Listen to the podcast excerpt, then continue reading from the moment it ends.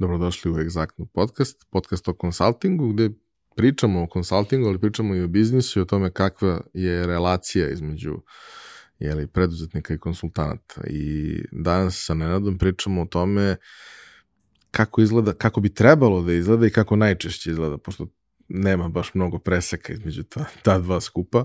Ovaj, odnos između biznisa i vlasnika biznisa i banaka kao jednog od ključnih partnera u poslovanju.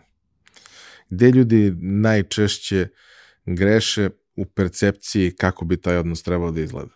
Šta je čija uloga? Pa najčešća greška e, koja se dešava jeste da ljudi, preduzetnici, vlasnici biznisa, očekuju da će da banka bude pomoć ja radim sa bankom i to je moja banka. I ljudi očekuju da ta moja banka mora meni da pomogne kad sam ja u problemu. A banka je u suštini preduzeće koje je osnovano i postoji još od Feničana sa jednom idejom. Zaradim više novca. I banka ima svoje proizvode. I banka svaka ima u suštini jedan izuzetno bitan postulat. E, ne sme da ima empatiju.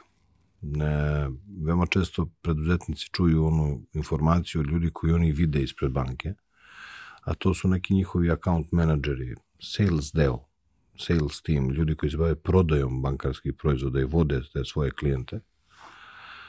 Uh, ne daju mi ili nisu mi dopustili ovi od ozgo ili oni od ozdo.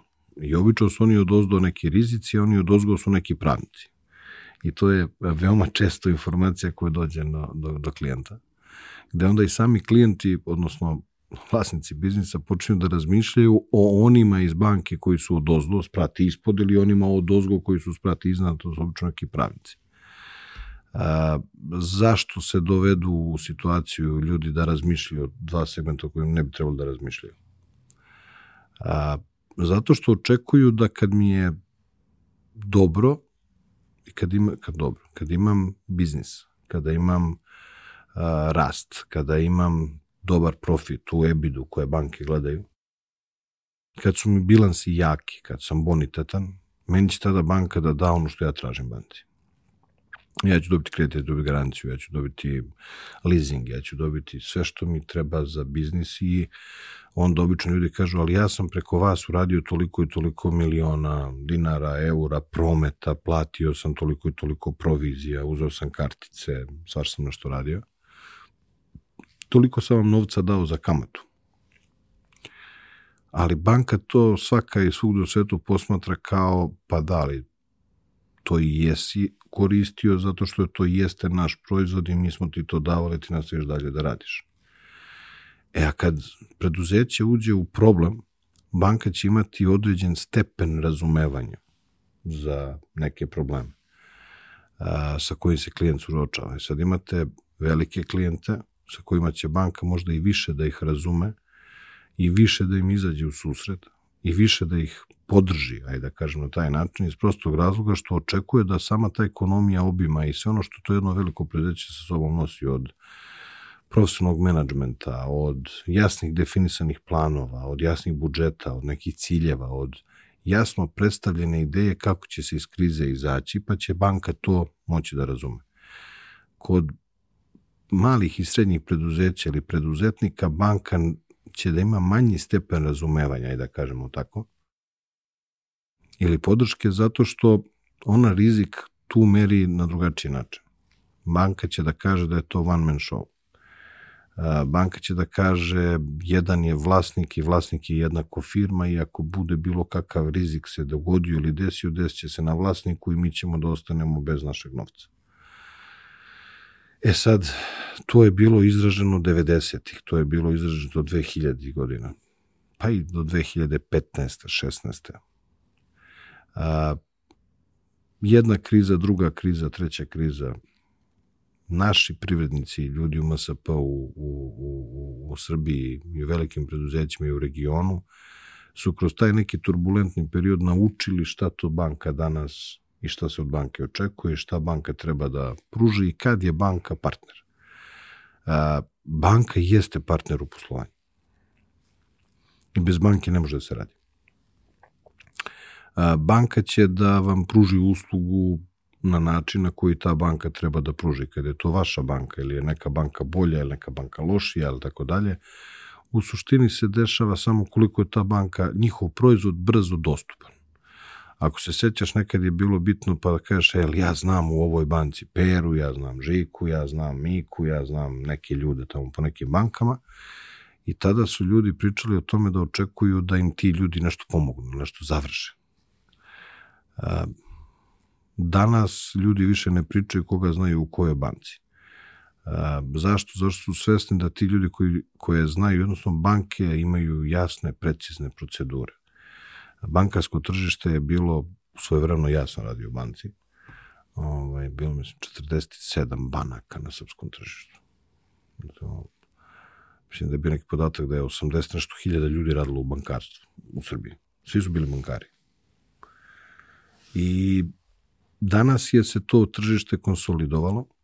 Vi danas na tržištu imate jake banke. I vi imate banke koje imaju jasno precizne definisane proizvode, svoje procedure i načine rada. Banka jeste partner u poslu i neophodan je partner svakome, ali od banke ne treba očekivati pomoć.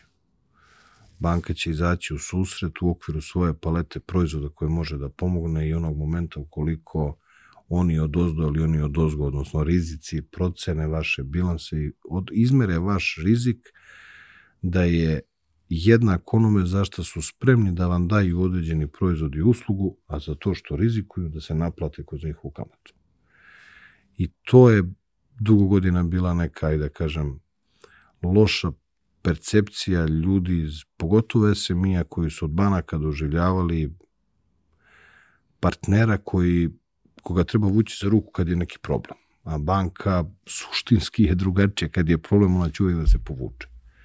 Jer ne želi da ulazi u dodatni rizik i ne želi da uđe u nešto. Ukoliko je neko ne objasni jasno i precizno da to nije problem, da taj problem ima ono svetlo na kraju tunela i da će se desiti tačno u vremenskom periodu u roku, a onda da ću da vam pokazati kao banci ja kao klijent kako tačno znam kako izgleda taj moj put do rešavanja tog problema, pa će onda banka to čekirati kroz mesečne, sedmične, polugodišnje, kvartalne, neke checkpointe, neke, da je sigurna da se to dešava.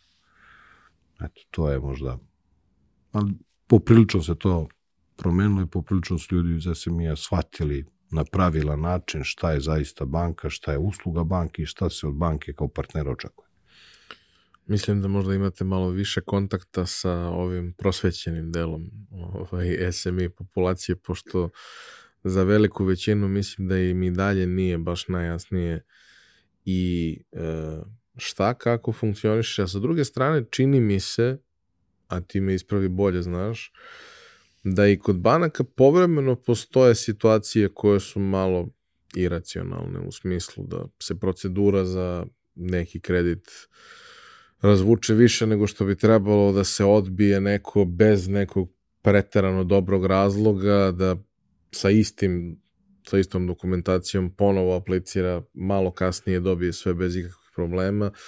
Prosto mislim da ko nije imao prilike da čuje to ili vidi iz prve ruke, ne razume kako funkcioniše unutrašnja dinamika ne razume šta je na kraju dana ono što, što, što, što banka gleda, o tome ćemo i pričati, ovaj, ali da postoji taj neki i dalje problem u komunikaciji između te dve strane, primarno kada pričamo o manjim firmama koje ne mogu da imaju stručnu osobu za financije u svom stafu, nego jednostavno oni se ljudi bave onim čime se bave i u najboljem slučaju osoba za financije je knjigovođa koji je eksterni.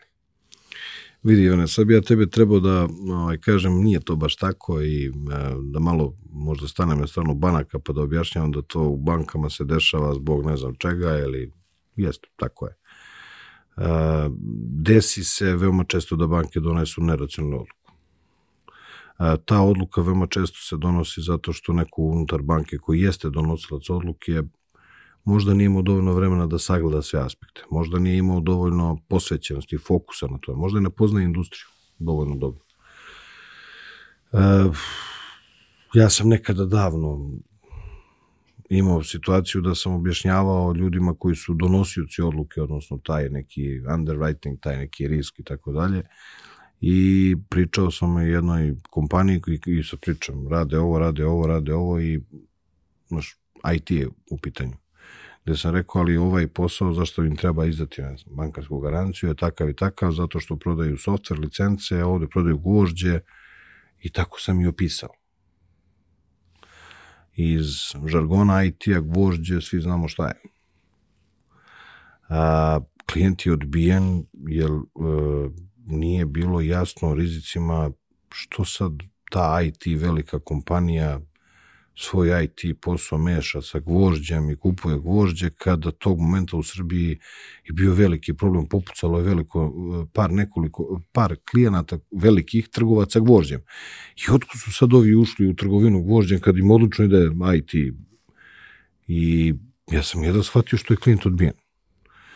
A, dok onda nisam shvatio da ne razumeju u, u govoru IT-a šta je gvožđe i da je čovek trebao da kupi i da proda ogromnu količinu hardvera, jer ima jasno i ko je dobavljač i sve živo sam, sam ja to rekao da je to gvožđe. Pa i to se dešava, i to je negde ljudski. Ovaj, ja sam doživeo lično, odnosno mi smo doživeo lično u našem primjeru da, da, da smo upravo, sa što si rekao, se nama desilo. Da smo aplicirali za kredit, da kupimo osnovno sredstvo, da kupimo prostor. Znaš, za našu kancelariju. Na vrhunskoj lokaciji, na vrhunskom mestu, naša firma koja onako poprilično ima rast iz godine u godinu i raste, u banci u kojoj ne znaju svi. Znaju ko smo, znaju šta radimo i sve znaju. I gde smo mi ubezbedili 50% učešća za, za sve to i gde tog momenta se već dešava rast cena na tržištu i svi smo bili svesni i mi i procentelji, a verujem i ljudi iz banke da je ta cena koju mi tada po ugovoru dobijamo, odnosno plaćamo tu cenu, da će za 3 ili 6 meseci da bude duplo. A, duplo. Biće 30% veće, ali tako dalje. I mi dobijamo odgovor banke da ovaj neće nas finansirati. gde na bilanse, prezentaciju, racionalizu, sve što smo uradili, sve što smo dali, mi smo školski odradili početak i kraj. I da, odluka je se čekala izuzetno dugo. I jednostavno jedna situacija gde sam ja posle te situacije bio i ostio sam potrebu da napišem mail predsednici te banke i da kažem koliko sam razočaran. A, da li smo završili taj isti prostor i taj isti kredit? Da, jesmo. A, za koliko smo ga završili? Za četiri dana u drugoj banci. A, šta je to? Ja negde prepostavljam da tog momenta neko ko je posmatrao nas ili našu firmu i naš razvoj i naš rast nije verovo da ćemo mi da to ostvarimo. I ali to je u bankarstvu skroz ne samo u Srbiji, nego u celom svetu, to je legitimna odluka. Jer a, kako ti kao sutra prodavac imaš pravo da odbiješ bilo koga ko ti dođe, sad ja dođem i kažem, vidi, ja hoću od tebe da kupim tvoj proizvod, iz bilo kog razloga se ja ne. Jednostavno doneseš odluku da ti je loš osjećaj u stomaku. Da čak i ako ti kaže mi vidi hoću da kupim tvoj proizvod avansno, napred i platim sve pa mi ga daj, ti puno pravo imaš da kažeš vidi neću. Iz bilo kog razloga danas neću ti prodam taj proizvod. A, tako i banke imaju pravo da svakom jednom klijentu, koji čak je i njihov klijent i radi neki drugi proizvod, platni promet ili ne znaš, preko njih da kaže nećemo. A, drugo, veoma često banke donose neke odluke koje ako se ne bi ušlo u dublju analizu, ljudi koji su njihovi klijenti ne bi mogli da ih razumeju. A shvatili bi ih pogrešno. Pa sam opet imao primjer u životu gde me nazvao čovjek i rekao, vidi, ali ja ne mogu da verujem da vi meni niste odobrili na firmu da kupim dva stana. Toliko dugo radim sa vama, sa vašom bankom, sa ovim, sa ovim. Kako ti kažem, trebalo mi vreme da shvatim šta mi je rekao dok se nisam vratio, seo, pa seo sa ljudima, pa rekao, ajde vidim u čemu je problem, pa sam onda shvatio da ta banka u tom istom gradu a, dala u zadnjih godinu dana preko 100 nešto stambenih kredita a, svim ljudima koji su radili u ogromnoj kompaniji a, u tom gradu sa visokim platama i da trenutno ta banka ima preko 120-130 hipoteka upisanih u malom gradu na stanove i da se došla informacija da ta velika kompanija puca i da ta banka je napravila ogroman problem. U jednom manjem gradu u Srbiji ima već to nešto stanova pod hipotekom i sad treba da odobri još dva. Ona to ne, ne može da uradi. Jer je već u problemu sa 150 stanova, jer su ljudi ostali bez posla i neće vrati, oni neće imati kome da prodaju te stanove. Uh, gube pare. I banka jednostavno rekla više u tom gradu ni jedan stambeni kredit, ni jedna finansiranje bilo kog objekta, bilo čega nećemo da radimo. A tom vlasniku ovaj, tog SMI preduzeća to nije objašnjeno tako i njega to ni ne zanima, to nije, nema veze sa njim. Ali jednostavno on dobio negativnu odgovor, negativnu odluku. I on je bio strašno uvređen i strašno ljut. A, veoma često se desi da taj način komunikacije između klijenta i banke nije dovoljno jasan, jer banka većinu informacije iz svog poslovanja ni ne želi da iznese do kraja, a drugo, bankama rade ljudi koji u svojim segmentima opet raspolažu onim informacijama kojima treba da raspolažu. Imamo često ni oni sami u banci nemaju ovaj, skroz čistu sliku zbog čega neke stvari banka radi ili ne radi ili ne želi ili želi i tako dalje. Tako da Da, često mislim da je da mnogo veći problem zapravo to vreme koje protekne, jer si to vreme ti paralizan ovaj, od trenutka kada pošalješ svu dokumentaciju i do trenutka kada dobiješ negativan odgovor. Ok, ali ako prođe dva meseca u tom procesu, ti si izgubio dva meseca bespovratno, Ovaj, ali eh, ajde da se vratimo na, na ono što je negde tu bitno. Ima izuzetaka. Ne možemo da opišemo sve izuzetke. Ali ajde da se vratimo na, na ono bazično šta je to što banka gleda i šta su neki standardni vidovi zaduživanja kroz, kroz kredite, kakvi krediti su u pitanju i šta se za kakav kredit posmatra od, od parametara što se tiče poslovanja? Pa vidi, banka, banka posmatra globalno, uh, uopšteno klijenta, jedno preduzeće. I to je jedini pravilan način. A, to po, podrazumeva da bi banka morala da dovoljno dobro zaista poznaje tog svog klijenta. A, prvo mora da vidi strukturu šta je to industrija kojom se klijent bavi. Dokle on tehnološki stigao šta su njegovi proizvodi, kakva je niša i kakvo je njegovo učešće zaista na tržištu, njegov potencijal na onim tržištima na kojima čovek nastupa. Da li je to proizvodnja, da li je to usluga, da li je to šta god.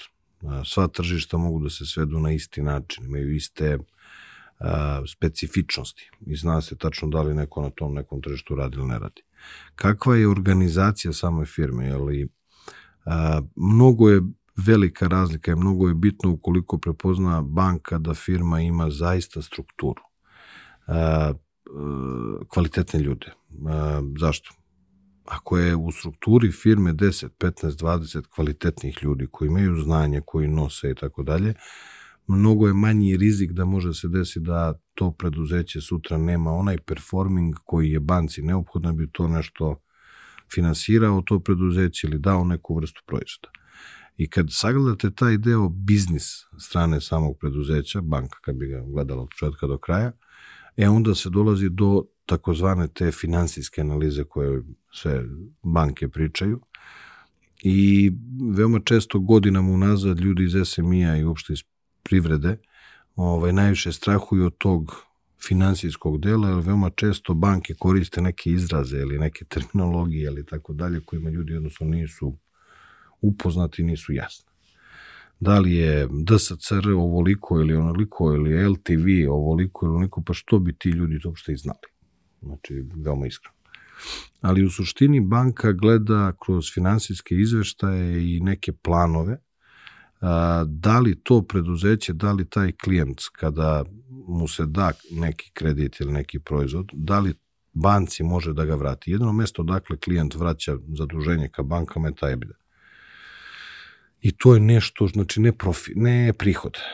A, većina klijent kaže, ali ja imam prihod, ne znam, 10 miliona eura, 15 miliona eura ja oprihodujem za godinu dana. A finanskoj instituciji ne znači koliki je prihod, da li 5, da li 10, da li 15, da li 20, nego zanima kolika je taj profit, koliko su to profite margine, ili u suštini iz čega vi možete da vratite banci a, kamatu.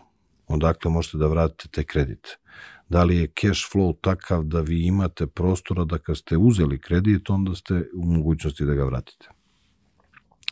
Šta će banka da koristi od nekih glavnih aseta u analizi, a, to je pre svega neka likvidacijona analiza koja kaže kolika je likvidnost tog klijenta, meri cash flow, onda će da gleda ko su zaista kupci, ko su zaista dobavljači, da shvati koliki je prostor da te firme su kvalitetne, dobre. Jer ako ti dođeš sa firmom koja ima proizvodi, ima super prodaju, ali su ti u suštini kupci tvoji su veoma problematični, banka će drugačije da meri rizik ili kaže postoji rizik da ovaj tamo neće plati pa će i sam ovaj klijent sutra preduzeće da uđe u, u problem.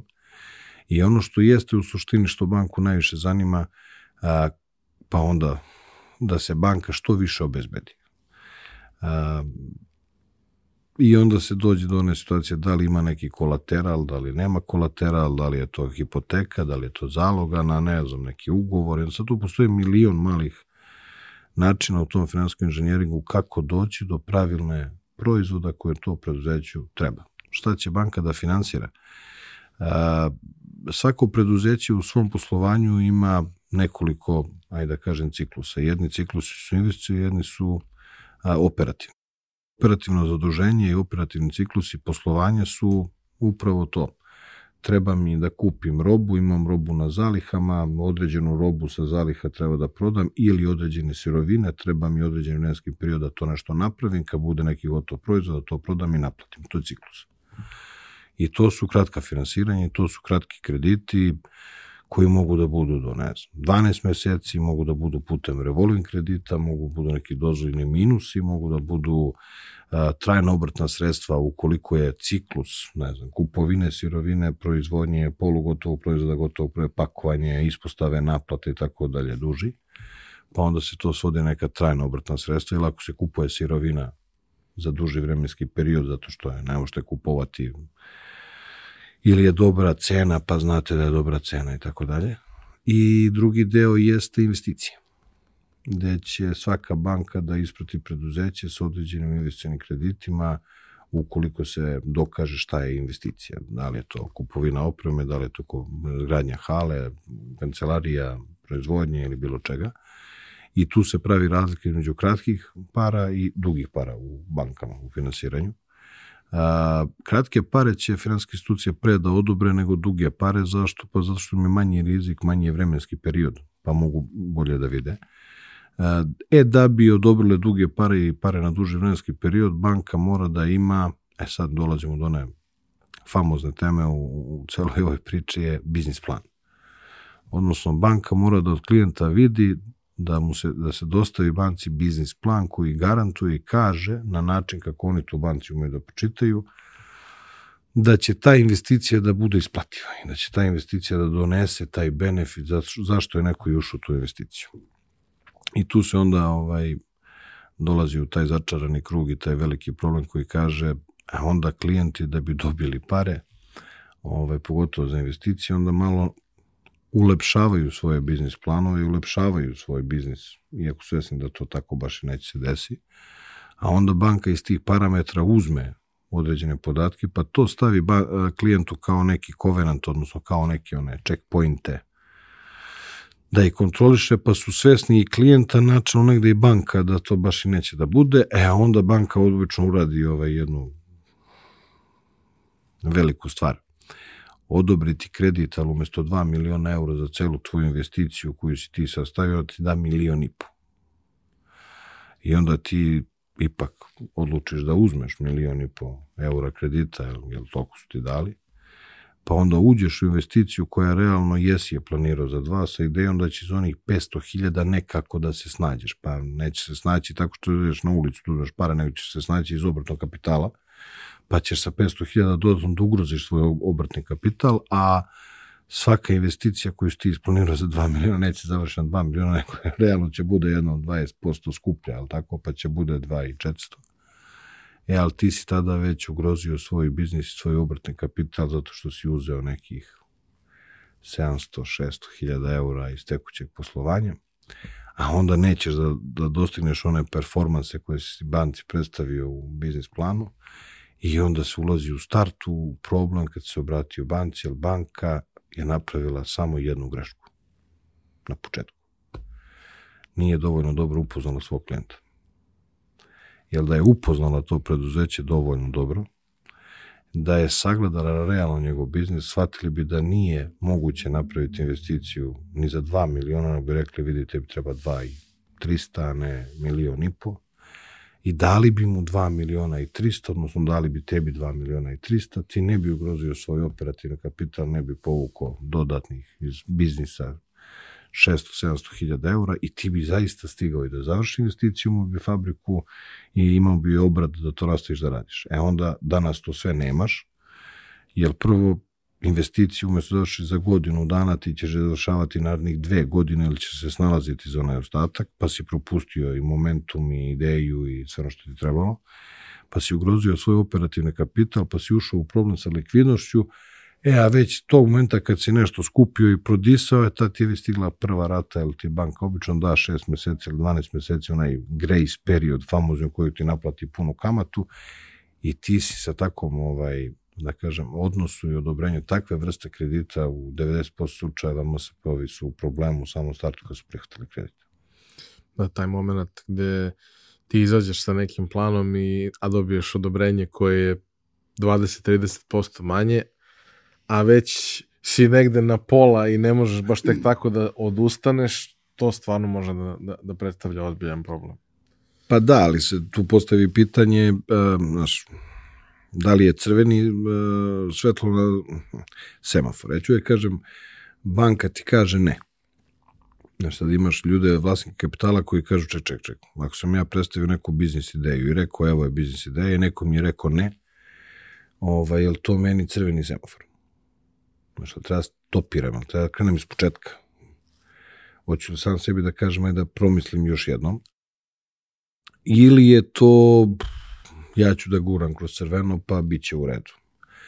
E, bio bih veoma srećan da mogu da kažem da banke odrade svoj posao tako što zaista posvete vreme tom klijentu i poznaju tu industriju. Ajde da budemo realni. Ne možemo da očekujemo da banke drže eksperte u, u svojim organizacijama koji će razumevati sve industrije, posvetiti dovoljno vremena svakom klijentu. A, mi danas da upoznamo je nekog klijenta kod nas u egzakti treba vreme, treba neko iskustvo, treba znanje i treba se ozbiljno posvetimo klijentu da shvatimo šta on tačno radi i kakve su njegove šanse ili kakva je njegova ideja, da li je dobra ili loša, da li ide u dobrom ili lošem planu. I kad kažem treba vreme, treba mesec, dva, tri meseca da dobro sagledate klijenta, njegov ceo biznis, a pogotovo što imate dosta biznisa u, i u SMU koji su poprilično kompleksni i koji su poprilično zahtevni. E gde je tu problem? Tu je problem što vlasnici takvih biznisa ceo život rade taj svoj biznis i oni ga znaju ono, mali prsti i njih kad pitate njima je to jednostavno. I oni obično to predstave kao, pa znate, to je jednostavno. Kupim, obradim, završim, uradim, napravim proizvod i prodam, nema tu nekih nesnoća. E, u pripremi smo pričali o ovim temama i jedna tema koja se nekako izdvojila jer je čest razlog za problem tamo gde ga niko ne očekuje i ne razume zašto se dešava je otprilike pitanje e, kako knjigovođa može da vam napravi problem, kako knjigovođa može da vas ukanali pred bankom, a da vi toga niste ni svesni. Da. E, Ajde, ja ću opet da kažem, preduzetnik, vlasnik kapitala, vlasnik SMI-a, vlasnik velikog preduzeća, pa je korporacije. Veoma često nema ekonomsko, odnosno to nema znanje i ne poznaje knjigovodstvo, računovodstvo. Jel, što bi ga i znao. On je imao neku ideju, on je imao neki osjećaj za biznis, on je imao osjećaj za trgovinu i kao i svi u početku šta je uradio, on je angažao nekog eksternog knjigovođu koji ga je nešto knjižio to šta mu on kaže, pa je on to sad negde u hodu učio šta je knjigovodstvo i šta nije knjigovodstvo, ali veoma često ne umeju da pročitaju te svoje bilanse, a samim ti ne umeju da iskontrolišu knjigovođu. A, šta knjigovođa napravi grešku? Pa eksterna agencija knjigovodstvena vam se opet ne posveti dovoljno zato što nije dovoljno, smatra da nije dovoljno plaćena. I onda tvoj biznis, moj biznis i najvjerojatno još 150 različitih biznisa knjiži na potpuno isti način. Uh, u istom tom kontnom planu, kontnom okviru na isti način i ne posvećuje se opet detalju da li si ti kupio dušek i ti si kupio dušek na firmu i on rekao super, važi, evo ga dušek i on ga uknjižila kao osnovno sredstvo, a to nije tvoje osnovno sredstvo, da se ti ne baviš ni hotelijerstvom, ni ugostiteljstvom, ni bilo čim drugim. A onda se desi varijanta koja je veoma često, meni se dešavalo, znaš, pozove me neko i kaže, vidi, treba pričamo, e, treba mi obrtna sredstva, banka, financije, ja sednem, savšam čoveka, e, prazan mi je magacin, fali mi robe, ne znam sad, sprema se crni petak, sprema se kraj godine, pune se rafovi, ja moram kupim robu, fali mi robe, treba mi kredit šta da radim, kako da radim, ja onda kažem daj vidimo bilanse, šta kažu bilansi, mi pogledamo bilanse, ja pogledam bilanse, njemu on otprilike pričao mi o 500.000 eura mu treba da bi kupio robe, a on na zalihama milion eura. Znaš, pa izvini, ali ti imaš milion eura robe na zalihama. Pa što ideš u banku kad imaš robu, onda kaže nemam, stavim u kola, pa me vodim, pokaže da smo u prazni magacin, da mu fali roba. Um, ali banka neće mi da pare. Pa što bi ti banka dala pare kad imaš mrtve zalihe? Ako ti trebaju nova roba, imaš već robu na zalihama, nisi je prodao, to je mrtvo. A, šta je se desilo? Pa jednostavno knjigovođa nije stigao da rasknjiži ovaj, na vreme i na pravila način zalihe. Zašto? Pa nije radio popis. On čeka da se uradi popis, pa kad se uradi popis, njemu dostavi popisna lista, pa će tek tada raskristi zalihe. To je jedan primer koji sam ja veoma, veoma često video. Drugo, onda uzmete pa zaposlite svog knjigovođu, svoje knjigovodstvo i napravite službu, pa onda vam objasne da su uvek u problemu, da ih uvek je gužva, uvek najviše rade i tako dalje. I onda ih zaposlite još. Pa onda još, pa onda još, pa onda vi imate tamo službu nekih 5, 6, 7 ljudi u nekom knjigovodstvu, tako? 30. I vi mislite da je to sve ok, pa ima ih 30. A oni nije sve ok zato što jednostavno pogrešno tumače propis, pogrešno tumače zakon, a, opet ne idu na edukaciju, opet ne prate dovoljno propise, ali ti veruješ da je to sve ok zato što je žena koja vodi knjigovodstvo super, ceo život je knjigovođa i tamanije 64-5 godina ovaj, a imala je i svoju agenciju ranije, pa je rešila da ne može se maltretira sa svima redom. I ona je po evokaciji već došla do nivo da ona neće da se maltretira sa svima redom, zato je došla kod tebe u firmu, zato je napravila službu knjigovodstva, ali neće da čuje tvoje zaposlene iz drugih sektora, nego i sve onako šutne otprilike, to je to. Ovaj, e, onda se desi da, vam, da, da, da zaposlite knjigovođu koji ima znanje. Da zaposlite knjigovođu koji razume šta treba da se radi, koji hoće da se posveti i tog momenta i vlasnici tek onda dobijaju saznanja gde su bile greške, šta su bili problemi i na koji način. A onda vam se desi da vam uđe neka inspekcija u firmu. I to sam isto veoma često gledao, gde kaže, ali ja sam sve radio čisto, ja sam sve radio po, po PS-u i evo dobio sam kaznu a kazna je došla zato što nije postojala ta neka osnovna higijena u knjigovodstvu veoma često. Jednostavno, tim ljudima u knjigovodstvu, tim knjigovođima se niko nije posvetio dovoljno i nisu smatrali da su im bitni. Pa zašto? Pa zašto vlasnik kapitala to ne razume i on će se bavi onim čime se razume, a to računovodstvo ili knjigovodstvo uvek negde tamo u nekom drugom delu i jeli, oni tamo rade nešto, jeli, neke papire. E onda kad dođe neka inspekcija, on kaže, pa kako je moguće da niste znali, a ta knjigođe ustane kaže, pa nisam znao, nikad mi niko nije objasnio ni šta prodajete, ni kome je prodajete, no samo ste mi stavljali papire na sto. Znači, nikad nisam videla ugovore od početka do kraja. Što bih ja razumela ugovore, šta smo mi tamo trebali, kome s kim da radimo i šta smo s kim dogovarali. Ja sam knjižila kako mi je dolazila faktura. I to je bilo nešto što je bilo veoma izraženo godinama unazad. E sad, opet ću da kažem, dosta stvari se menja u poslovanju.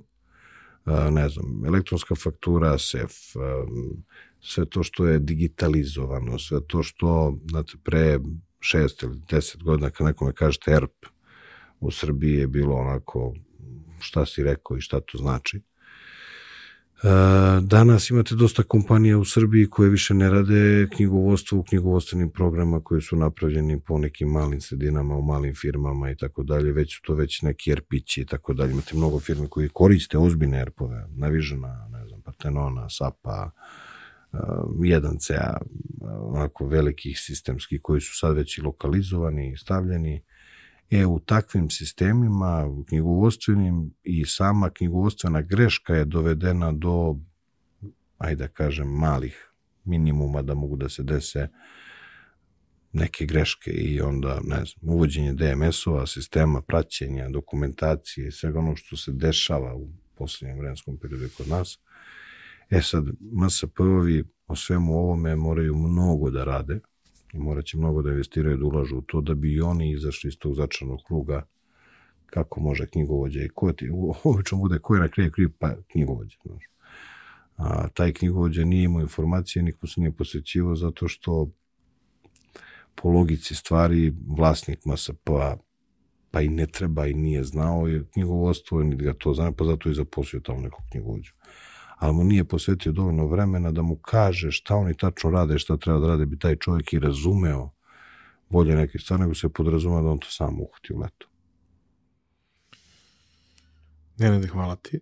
U narednom delu ćemo pričati o onome što zapravo predstavlja neku vrstu rešenja za ovaj tip problema, to je uh, profesionalizacija menadžmenta i uvođenje nekih novih ljudi na ključne pozicije, ljudi koji donose znanje i iskustvo, koji donose struku i kako se to taj neki preduzetnički menadžment koji je ovde ustaljen, jer preduzetništvo ima veliki diskontinuitet, pa samim tim nema ni, ni, ni tradiciju, ni uh, ustaljen način na koji, na koji je funkcionisalo, uh, a sad je već prošlo dovoljno vremena da ta prva generacija koja je nešto pravila se uglavnom povlači, da su te firme uglavnom dovoljno narasle, da im je potrebno da im je potrebna profesionalizacija ukoliko žele da idu na neki naredni nivo, naredni korak ili ukoliko žele da se prodaju po nekim dobrim uslovima. To nam je tema za narednu nedelju. Nadam se da vam je bilo interesantno.